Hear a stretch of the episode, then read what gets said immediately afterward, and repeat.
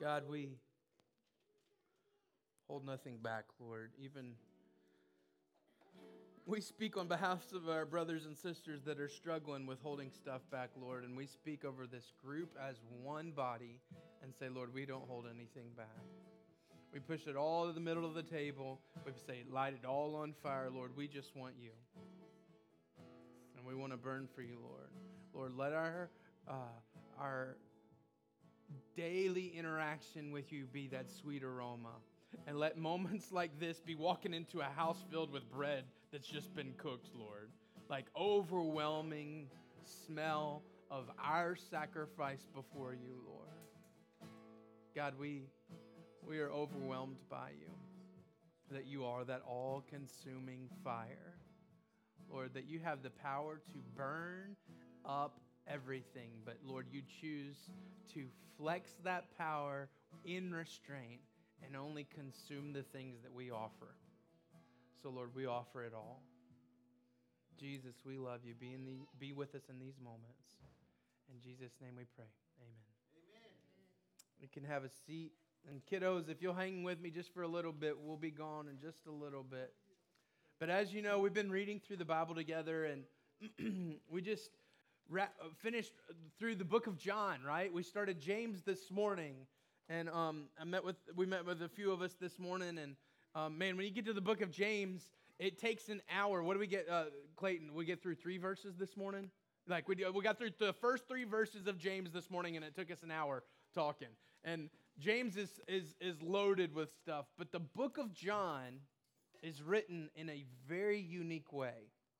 You know, it starts off in the beginning, and how's the Bible start off? In the beginning, right? It starts off and ends with the one whom he loved the most is writing this. And that sounds like we like we, we think in favoritism a lot. Jesus really didn't have favoritism. He just had one that he really connected with. You don't think of that, right? Like Jesus connects with everybody, right? All the prostitutes were his best friends, right? But he actually genuinely did have a best friend. It's not bad to have a best friend, it's bad when you exclude everyone else, right? And he had a disciple, the one in whom he loved, that he refers to him as that, and it was John. And John writes this incredible description of Jesus' life that obviously the other gospels show as well. But I love this. And I love asking you questions, right? Right? If we could have a time machine, kiddos, think about this. If you could have a time machine and you could go back to the moment that it's a week after Jesus has risen, and they're hiding because they're worried they're going to get arrested, and they're inside in locked doors, and all of a sudden Jesus walks in. That'd be a cool moment to see, wouldn't it? But let me ask you this, and we'll ask everybody this. Jesus teaches you for three, three and a half years. He dies on the cross. You see him again, and he still is not with you. I imagine those moments after the death, burial, and resurrection, and then all those other days that we know that he interacts with people. It's a yo yo of an emotion, isn't it? Think Paul says this great in Romans. He says, The thing I want to do, I don't do. The thing that I don't want to do, I do anyways. There's this war inside of me. So if I'm one of the 12 disciples, or 11 at that point, if I'm one of the disciples at that point and I'm, I'm really mourning Jesus' death, but I'm also celebrating his life because he's showing up and he's teaching me and he's challenging me, he's encouraging me. But there's this emotion of like, what now? I think, do you have things that maybe you've lost a loved one and there's a couple of statements that still ring in your head from that loved one that you interacted with? Right? Uh, my, my, I always share stories about my grandfather. Um, my, for some reason, the way that my grandfather said "don't" sticks out in my head. Right, right. Probably because it was a traumatic. Don't, don't, don't. Right, right, right. It was probably a traumatic thing. There's a couple things that hopefully for a very long time my parents won't go home to be with the lord for another 10 to 15 20 30 years right but there will be a few things that i know my parents that'll stick out in my head the things that they've said to me Um, my dad would always say, like, I'm just started driving, and he, he would say two things to me whatever you're about to do, don't. And then he'd say, remember who you are and whose you are. Yeah. Thanks, Dad. You know what my mom would say? Ryan, I have this interaction with the Lord. He tells me what you do. Until 11 years old, I knew it for a fact that she did. I watched her read her Bible and go, uh oh, uh oh. He's going to. And so she'd come and say, You have anything you need to tell me? And I went, Yeah. And not say anything else, right? Right? Because I got a list. Which one are you talking about, right? If I think about those 12 disciples, 11 disciples, I think that there's this interaction. You know, if you meet someone, they mean a lot to you, and then they go on to be with the Lord, you walk through big moments with them, right? And obviously with Jesus, they have tons of them. But think about that original moment, those two words. What were they? When they first, when Jesus would first meet a disciple, he'd say two things to him. Follow me. So Jesus has died. He's come back to life. He's going in and out of walls. We're seeing him, we're not. And that word, follow me, is ringing in my head. And I'm like, how? I can't walk through the wall like you can. Where, where are you going? I want to go with you. Remember? Remember that interaction before he died? I don't feel equipped to follow you and do the things you told me to. Anybody else feel that way right now? You don't feel qualified, right? Here's another thing. Would we even view those 11 as equipped? Uh uh-uh. uh No, they're not equipped. That's why it's important for us to only listen to what God says about a man and not what we say about a man, right? Uh, we, were, we were talking this past week um, and, and, and, and, talking through a couple different things. Um, and in 1 Timothy chapter 3, it talks about some qualifications and stuff like that. And it says this idea of um, a man that has tons of character and, and, and, and walks with the Lord and has an ability to teach is the only really ability. Everything else in this list is, is about characters, but uh, character qualities. But it says this one thing it says, not a new convert. If one, one wants to lead, be an overseer, deacon, elder, pastor, if one wants not a new convert. Have you ever thought about that?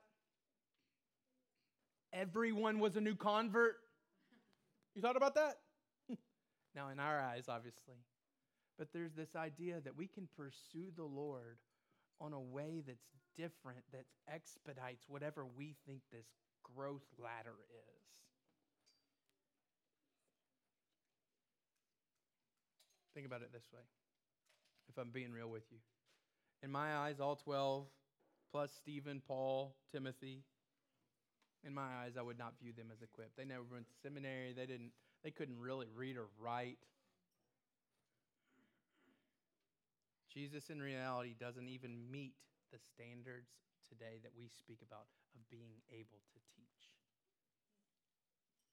You want to connect with your crowd. Hey, eat of my flesh.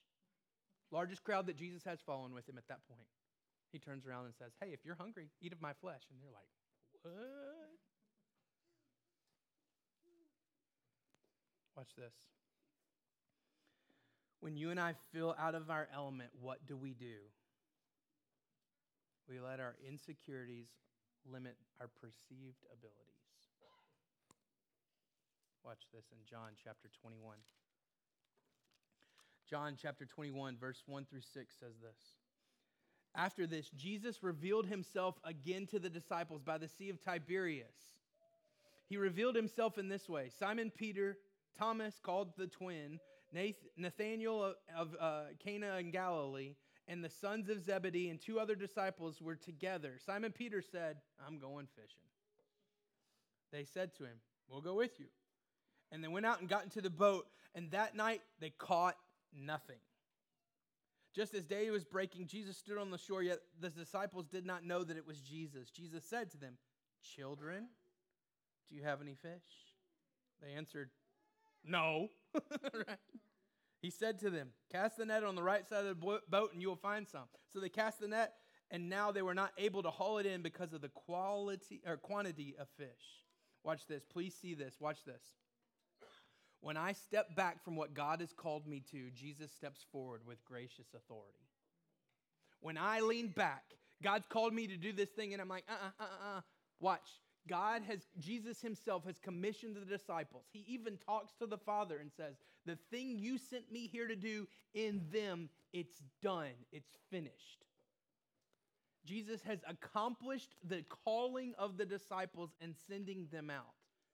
And they're so stuck in their insecurities of not being able to, what do they say? I'm going back to the thing that I'm good at. I'm going fishing. You ever been there? You go back to the thing you're good at and you're no longer good at it?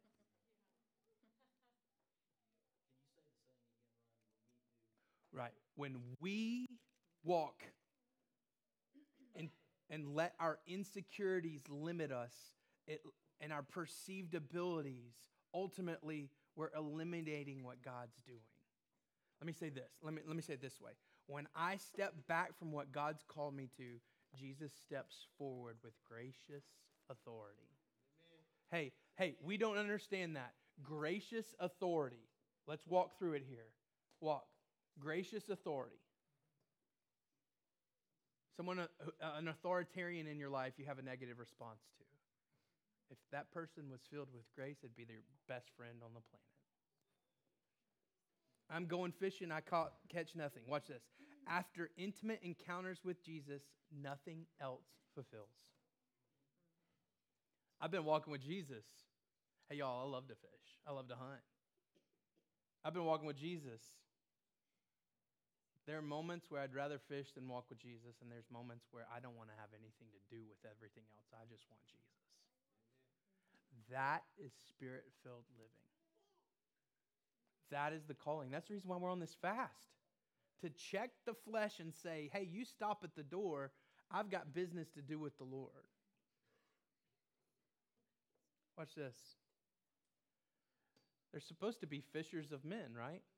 Jesus has already said, You're no longer going to fish, you're going to be fishers of men. So they go out to fish, and guess what happens? They don't catch anything because the thing they're supposed to be catching isn't swimming in the water. I love this. Why is Peter the one leading the way here? I think Peter's just like you and I. When he makes a mistake, he writes himself off. And he's made a big one, y'all. He's made a big one. Someone like my little Ella has come up to him and said, Hey, don't you know Jesus? He's like, I don't know who you're talking about. He's denied Jesus three times, and Jesus called the shot, right? Jesus called the shot. We went with the men axe throwing this past week. You had this big target, but then there were these two green things, and you got seven points for those if you called the shot, right? Anybody hit them? I hit one, Andrew hit one. We had the best team. Where's Jesse? Yeah. Oh, he said preach it. Yeah. We had the best team. We bought. We beat everybody. We beat everybody. I'm gonna. Uh, I'm no. It's because I was thrown underhanded. We beat everybody. But watch. Bear did split the board in half. But hey, watch. Watch this. There's a difference between me saying, "I knew you were gonna do that." Don't you hate it when somebody says that? I trip and fall and go, "I knew you were gonna do that." Well, then why didn't you stop me? Right? Right? There's a difference between Peter walking in pride and arrogance. Bathe all of me. They're not going to be able to stop us. And Jesus says, Hey, before the night, before the day rises, you're going to deny me three times. Watch. This is a gracious authority, even in a statement like that. Watch what happens. Just as day breaking, they hadn't caught any fish. Peter still considered the one who's denied Jesus. I have nothing to show but my own foolishness when I go pursue my own thing, don't I? What does a new day present when I'm walking in that manner? Mundane and more problems. Nothing's been fixed. Here's another day. Now what? And just as day is breaking, I hear this strange man on the shore say, Hey, little ones. Let's back up for a minute. Whole bunch of men out fishing, and I'm on the shore going, Hey, little ones, did you catch anything? I got a Snoopy pole. You want one? That's what it feels like, doesn't it? But hang on. Let's walk back for a second and really think about the King of Kings, the Lord of Lords, standing in his resurrected body, who's just emptied the tomb a few weeks before this. And he's saying to his kids, Hey, kids, did you catch anything?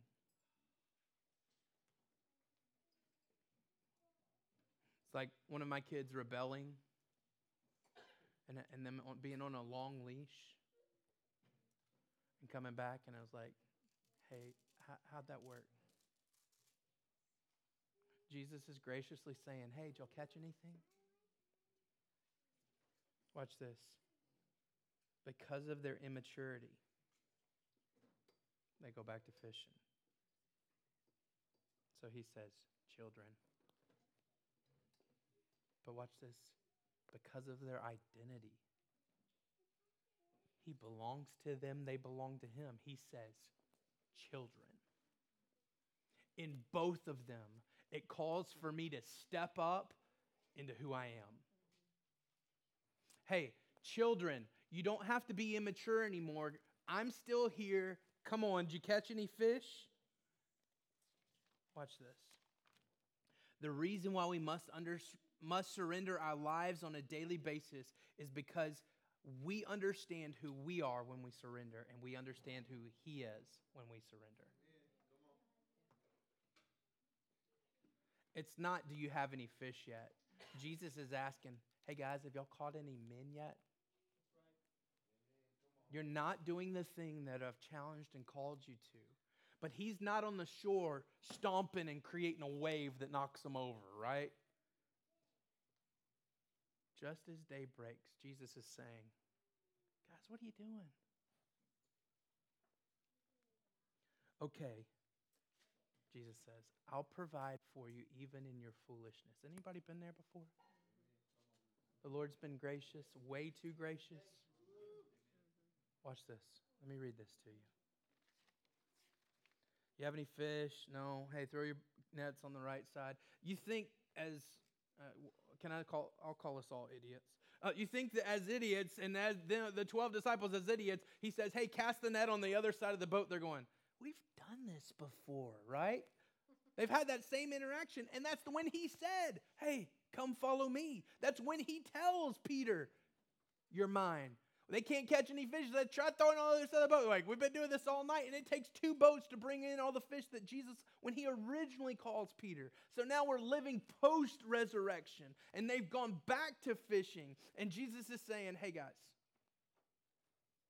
throw the nets on the other side of the boat. And they're like, okay. But they still didn't know it was the Lord. Watch. Verse 7. That disciple whom Jesus loved said to Peter, it is the Lord. He doesn't realize it until he's been provided for and he puts two and two together.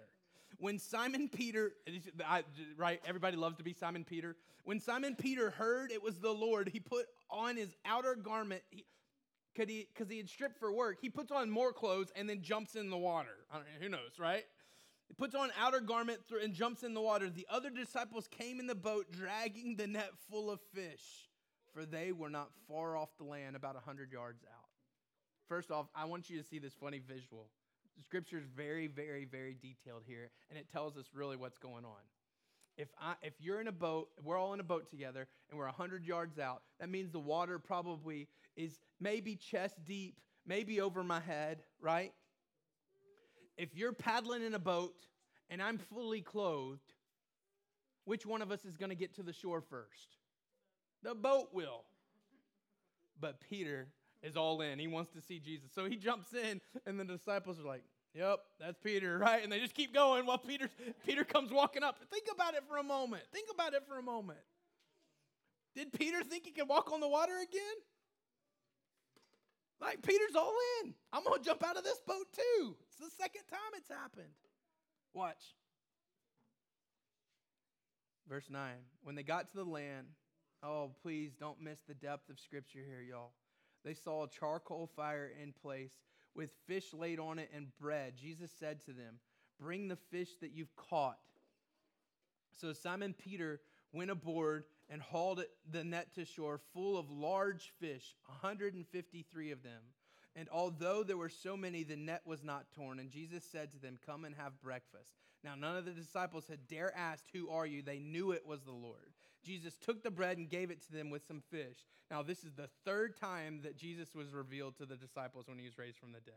Point two even in rebellion, Jesus provides for us in order to draw us back to himself. A net full of big fish. Come have breakfast. Jewish custom, we don't understand it today. Jewish custom, when we've got something going on, if there's a conflict between two people, they would have a meal together to settle the conflict, right? They'd have a meal together. Eh, eh, if anyone hears my voice and opens the door, I will come in and eat with him and he with me. That settling concept. Jesus is pre- preparing the meal so that we can settle. We're on the same page here. But I love this a charcoal fire. Where did the charcoal come from? Bread. Where did bread come from? Jesus already has fish and doesn't need theirs. Watch this. He says, where is it? Verse verse 10. Bring some of the fish you've just caught. Hey, family, please look at me every eye right here. Bring some of the fish you just caught. Max, come here for a minute. Any dad ever been fishing with their kid? Fishing. Hey, buddy, here, hold this for a second. And all of a sudden, he's got the fish, right? Right? Anybody? Yeah, thanks, bud. Okay, you can sit down. Watch this. He pulls it in. We're taking pictures with the fish he caught, but really, who said throw the net on the other side? Jesus did. Hey, guys, go get some of the fish that you caught. You caught the fish. Oh, family, please see it. See how gracious our Father is, even when we're in rebellion. We're away from the calling that He's placed on our lives. We're not in the midst of spreading the gospel like He had called them. Jesus doesn't need anything from us, but He wants everything. He doesn't need any of the fish. He doesn't need any of the fish, but He says, Go and bring some of the fish you caught. He's already got fish. He's got bread, fish, charcoal, light, everything, right? It's all inclusive on the beach, right? Right? He doesn't need it, he wants it. Oh, family, please see this. The church so long has told us the opposite that he's a God that's distant because of his divinity, and we need to make the most of that. We lose the sight of his hum- humanity. He desires to have breakfast with these dudes, he desires for them to participate in bringing something to the meal, right? They dare not ask who he is because it still speaks to the insecurities. We know that it's him, so we're just going to play it cool. Mm. Verse 15. When they had finished breakfast, Jesus said to Simon Peter, First interaction we've had, right? Hey, before the rooster crows three times, the first account that we have, Jesus pulls Peter aside and says, Hey, hey Simon, Simon, son of John, do you love me more than these? And I thought about doing this this morning, but I thought I'll ask Clayton and he'll give me some type of smart aleck answer. But if I walked up to Clayton and go, Hey man, do you love me? Yeah, that's kind of weird, but yeah.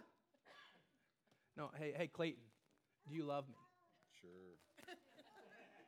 No, no. Hey, hey, Clayton, stand up for a second. This is weird. Do you love me? No, sure. Watch this. Many, I've heard it. yeah, I've heard many people teach this. as Jesus is trying to nail home something, but watch. You love me? Feed my lambs. You, you don't need this boat fisherman anymore. And a second time he said, Simon, son of John, do you love me? He said, Yes, Lord. You know I love you. And he said, Tend my sheep. And he said to him a third time, Simon, son of John, do you love me? And Peter was grieved because he said to him a third time, Do you love me? And he said, Lord, you know everything. You know that I love you. And Jesus said, Feed my sheep. Truly, truly, I say to you, when you were young, you used to dress yourself and walk around as you want, wherever you wanted. But when you're old, you will stretch out your hands, and another will dress you and carry you to where you do not want to go. This he said to show what kind of death he was, uh, the kind of death he was glorified uh, was to glorify God. And after saying these things, he said to him, "Follow me." Family, please see this. When we think we've messed up his plans, Jesus graciously reminds us we are his plan.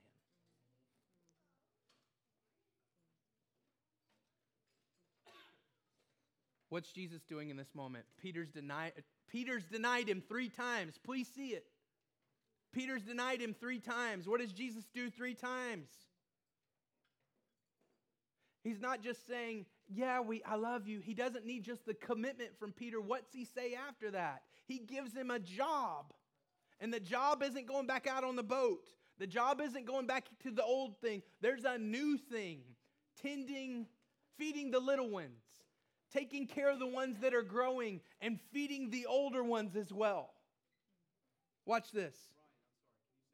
Yes, yes.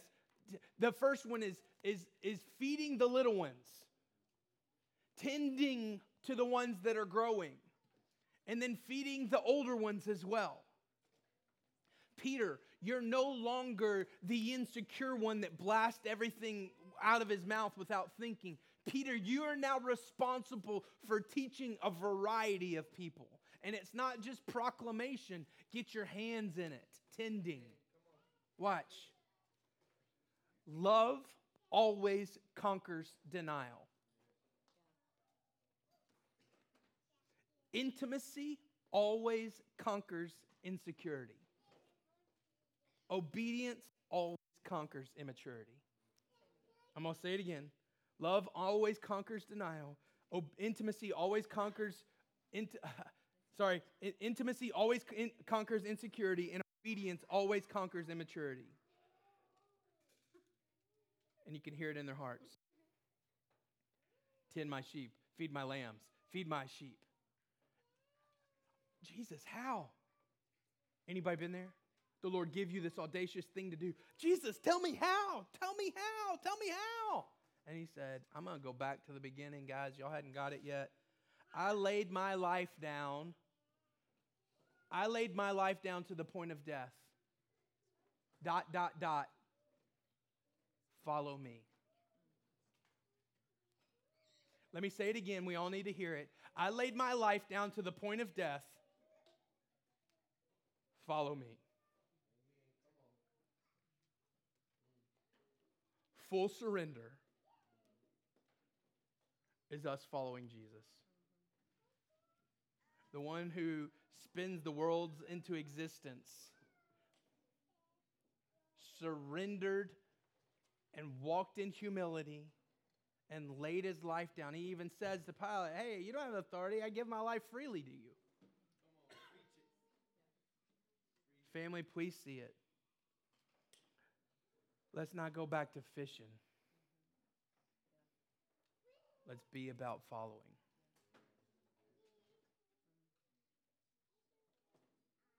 I know how to do the fishing. Family, be real honest. I have no clue what following him looks like tomorrow. I'm just going to follow. Let's pray. Jesus, we love you. We thank you for the ultimate example that you are. And God, we thank you for the depth of Scripture and how you've given us scripture to find more of you. So, Lord, we follow you in these moments.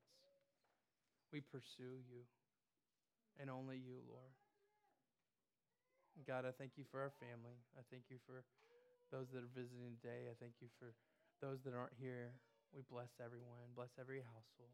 In Jesus, we love you. In Jesus' name we pray. Amen. Amen.